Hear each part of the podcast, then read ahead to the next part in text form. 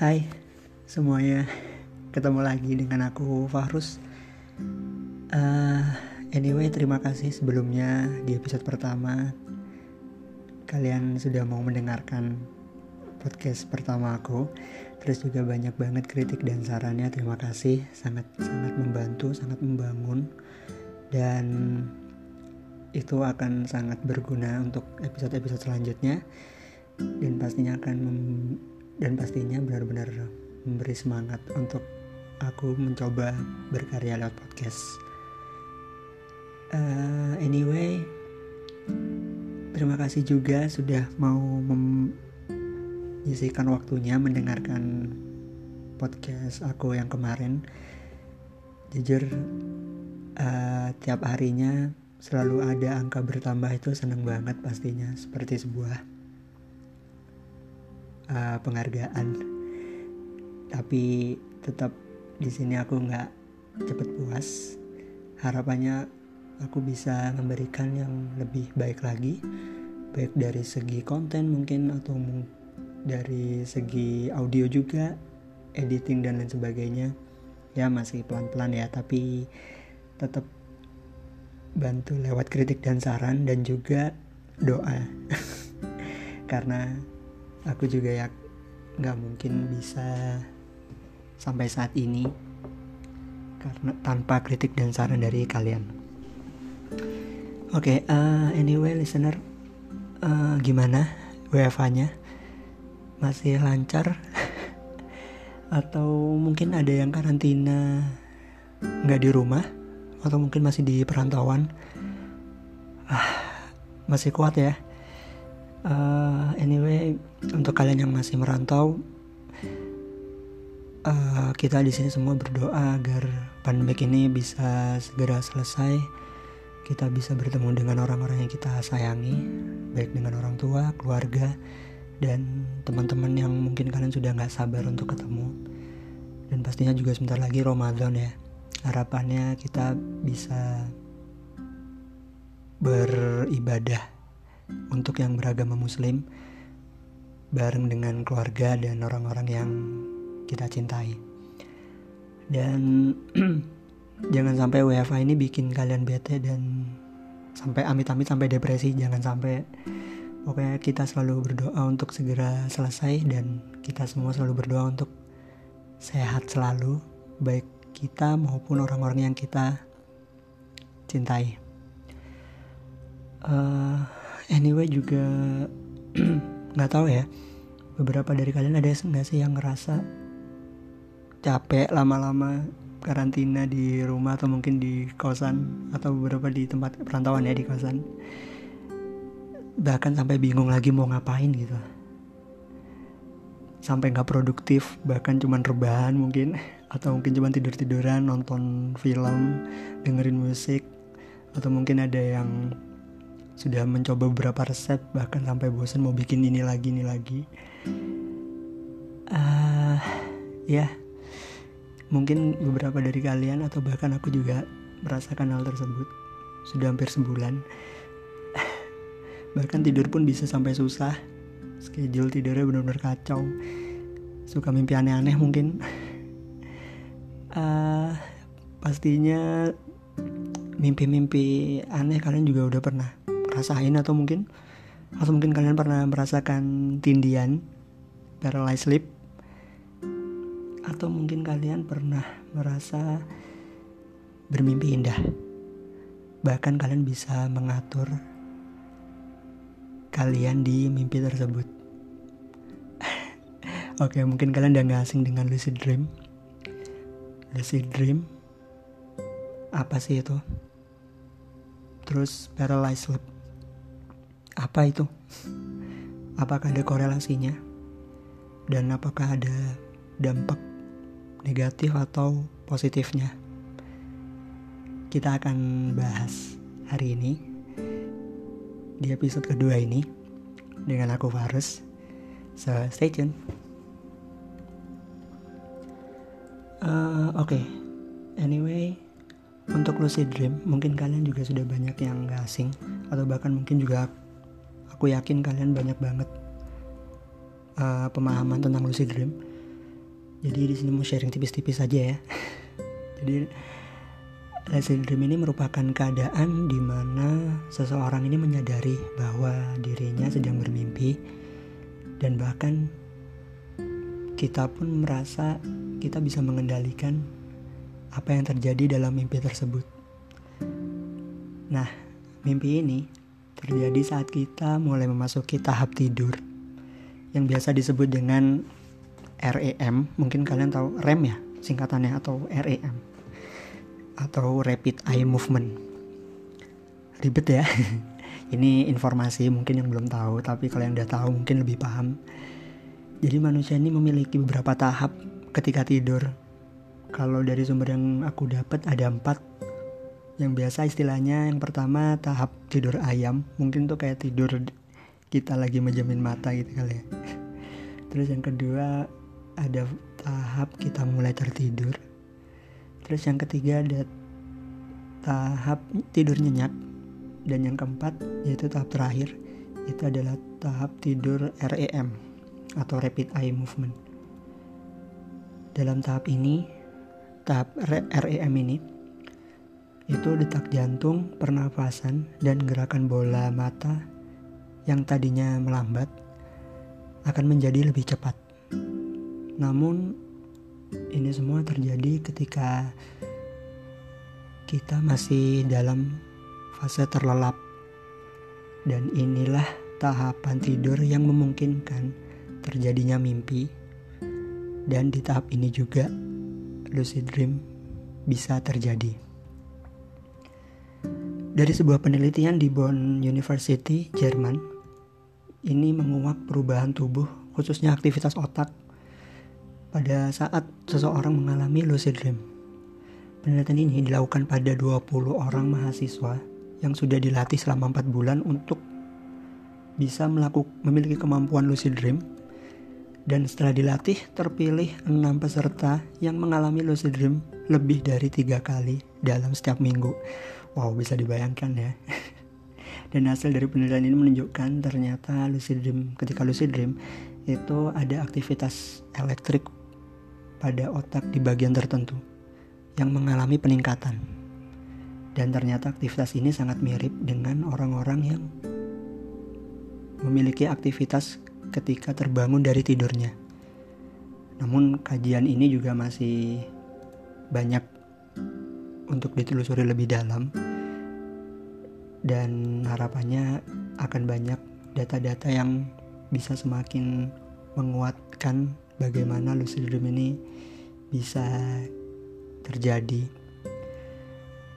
Jadi ternyata ada aktivitas otak nih ya yang mengalami peningkatan aktivitas ketika tidur. Wow. Dan ternyata lucid dream ini ditandai dengan kesadaran ketika kita sedang bermimpi. Dan kita tahu kalau itu mimpi. Dan bahkan kita tahu itu bukan dunia nyata. Kemudian nggak seperti mimpi pada umumnya ya. Di sini kita punya kendali terhadap apa yang terjadi dalam mimpi tersebut. Misalnya mungkin kalian udah pernah mengalami lucid dream atau mungkin kalian gak ngeh juga.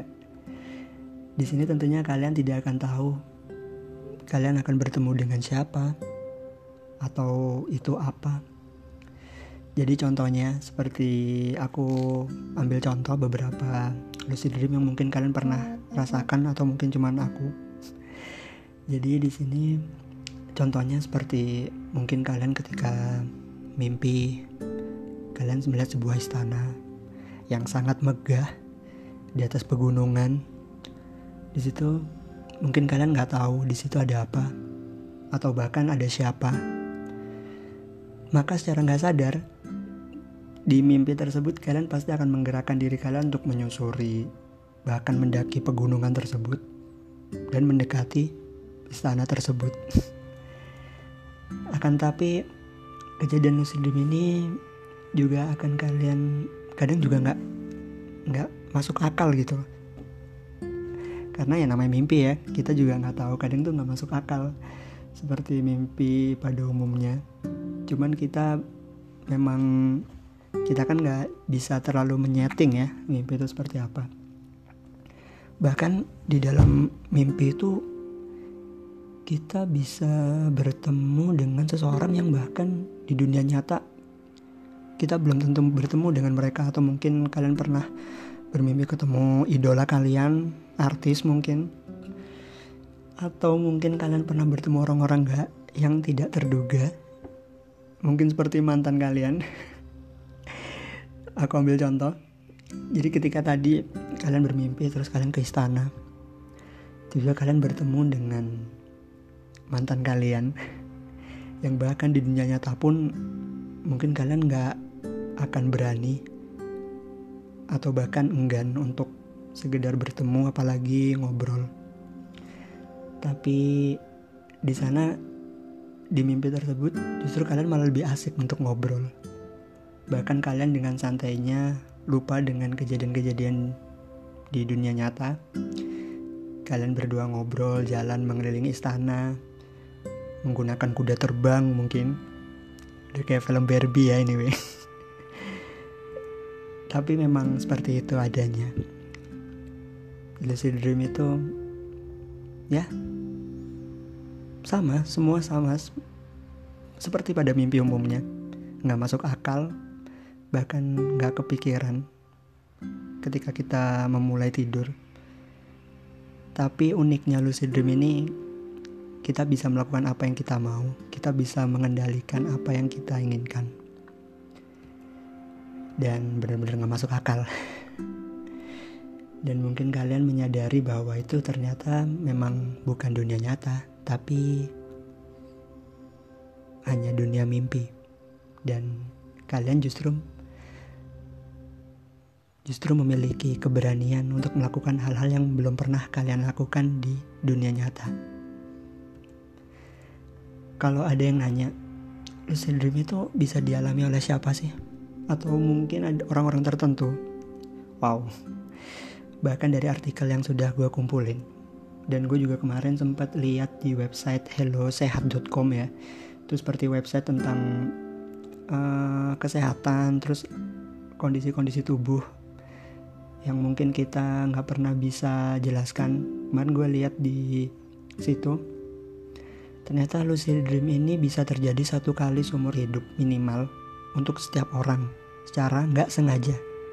Jadi mungkin kita yang bahkan nggak menyangka kita merasakan lucid dream tapi sesungguhnya kita pernah dan bahkan gue juga mengutip dari studi di tahun 2017 itu diterbitkan dalam jurnal Imagination, Cognition, and Personality. di situ merujuk pada perkiraan yang menunjukkan bahwa orang itu lebih cenderung mengalami lucid dream secara spontan di masa kecil, mulai sekitar 3 sampai 4 tahun. Wow. Kalau aku dulu jujur umur segitu lupa ya, tapi dulu aku pernah waktu masih kecil, itu kayak SD deh. Umur 7 apa 8 ya pokoknya segituan deh, SD. Karena dulu saking mengidolakan mengidolakan waktu itu mengidolakan ya kayak semacam uh, satria baja hitam gitu lah ya bisa di kalian tahu. Itu sampai bener-bener bertemu terus dengan asiknya ngobrol dan ikut berperang gitu. Lucu. Tapi di jurnal ini juga dijelaskan bahwa ternyata lucid dream ini mulai menurun pada awal remaja. Jadi setelah usia 25 tahun lucid dream yang secara spontan ini bisa akan sangat jarang frekuensinya.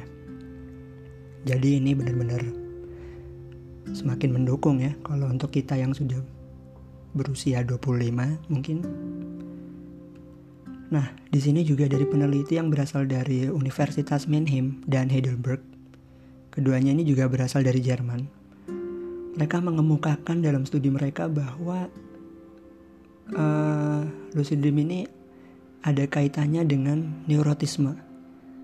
Mungkin kalian juga udah gak asing dengan neurotisme. Neurotisme ini seperti faktor kepribadian seseorang yang sedang mengalami tekanan, tekanan emosi,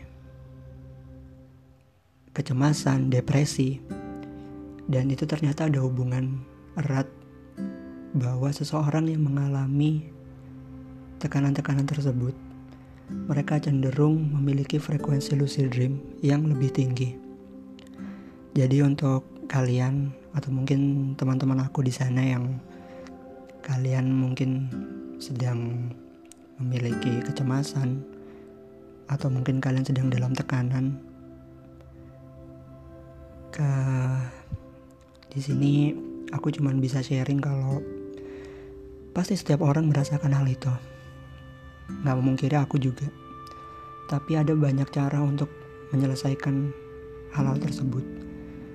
Mungkin dengan kalian bisa mendengarkan lagu-lagu yang memperbaiki mood atau mungkin kalian bisa melampiaskannya dengan menonton film atau mungkin berolahraga melupakan hal-hal tersebut.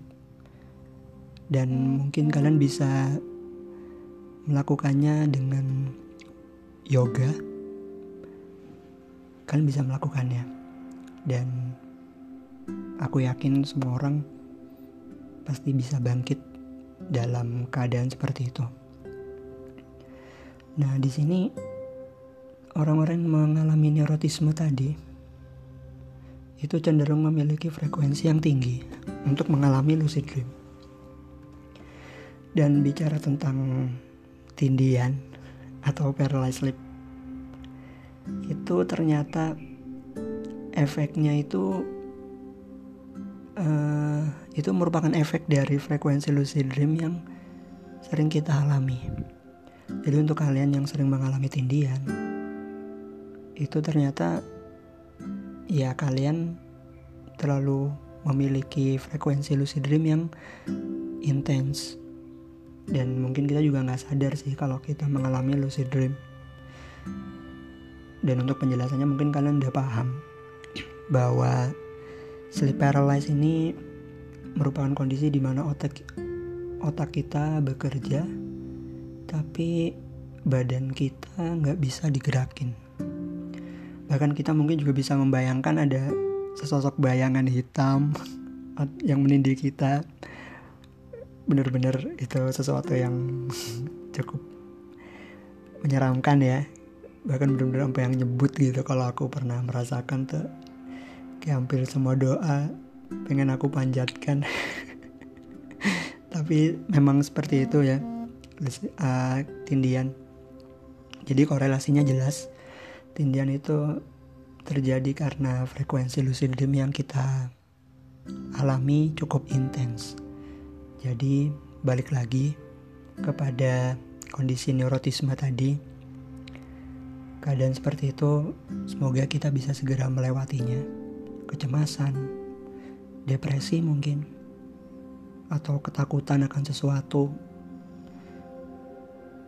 Hmm, kalian mungkin bisa membagikan perasaan tersebut kepada orang-orang yang menurut kalian bisa kalian percaya.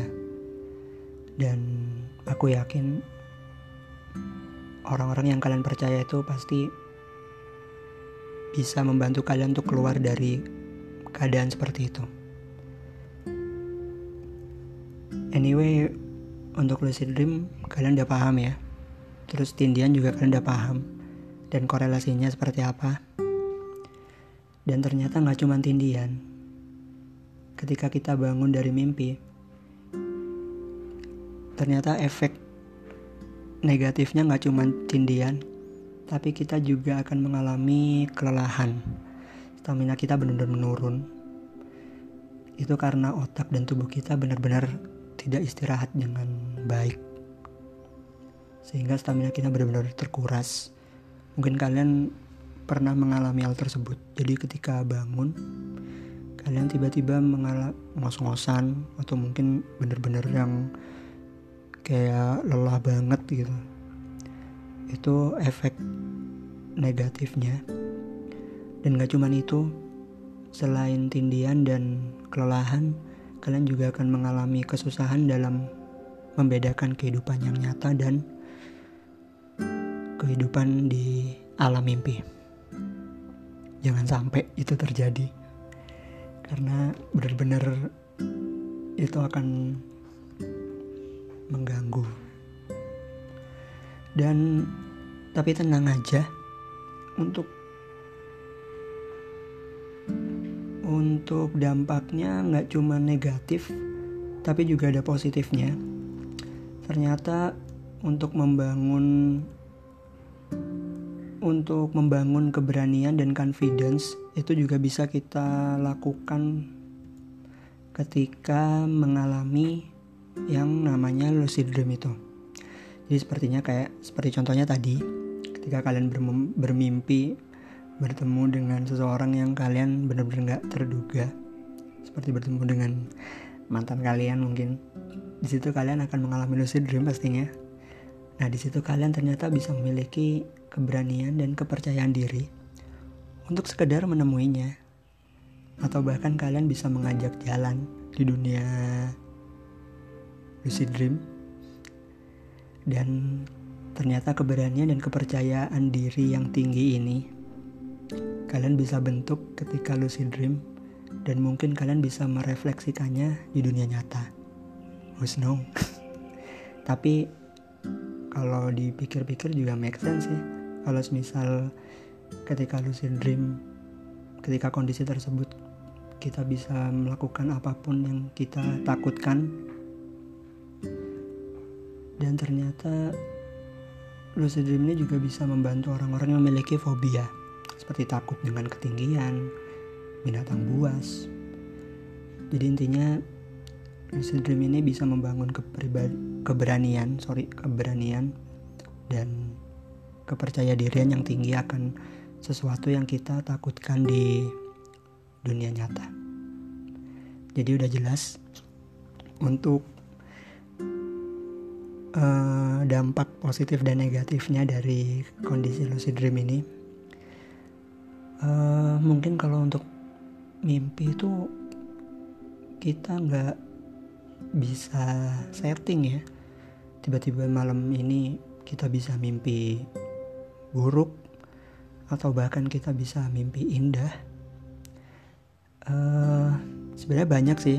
Ada beberapa tips untuk kalian yang mau mencoba lucid dream tapi nanti kalian bisa googling aja karena nanti akan bakal panjang. Uh, cuman balik lagi kita berharap kita selalu bermimpi indah pastinya.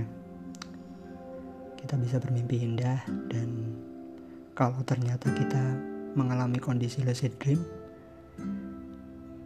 mungkin itu akan menjadi sebuah kesempatan untuk kita membangun ke keberanian dan kepercaya dirian kita ketika kita akan menghadapi sesuatu yang benar-benar nyata seperti itu. Dan mungkin untuk konten episode kedua ini itu aja. Dan mungkin ini juga kayak kepanjangan mungkin. Tapi semoga kalian suka dengan episode kedua ini. Anyway suara aku mungkin agak rada kecil atau gimana sorry. Karena memang sedang cukup kurang bukan kurang fit sih. Lebih lebih kemarin tuh banyak kan banyakkan es es terus. Uh, jadi aku coba maksimalin aja. Semoga suaranya kedengeran. Jadi untuk penjelasan lucid dream terus paralyzed sleep terus korelasi mereka berdua dan dampaknya ke kita kalian udah paham ya? Mungkin itu yang bisa aku share Terus juga harapannya kita juga bisa bermimpi bermimpi indah. Dan mungkin cukup sekian dari dari aku. Semoga kalian suka. Terus aku juga nggak ngingetin untuk kita semua agar selalu tetap optimis agar pandemik ini segera selesai. Kita segera bertemu dengan orang-orang yang kita sayangi, keluarga, orang tua, untuk kalian yang di rantauan, tetap semangat. Karena aku dulu juga pernah merantau dan pasti akan merasakan seperti apa rasanya kesepian di tempat yang mungkin kalian berpikir itu cukup antah berantah. Tapi semoga dari pandemik ini kita bisa belajar banyak hal dan kita bisa melewatinya dengan kuat dan dengan positif energi pastinya. Oke, uh, jangan lupa untuk dengerin episode pertama. Mungkin kalau kalian belum pernah denger, belum dengerin, jangan lupa share juga karena akan sangat membantu aku banget.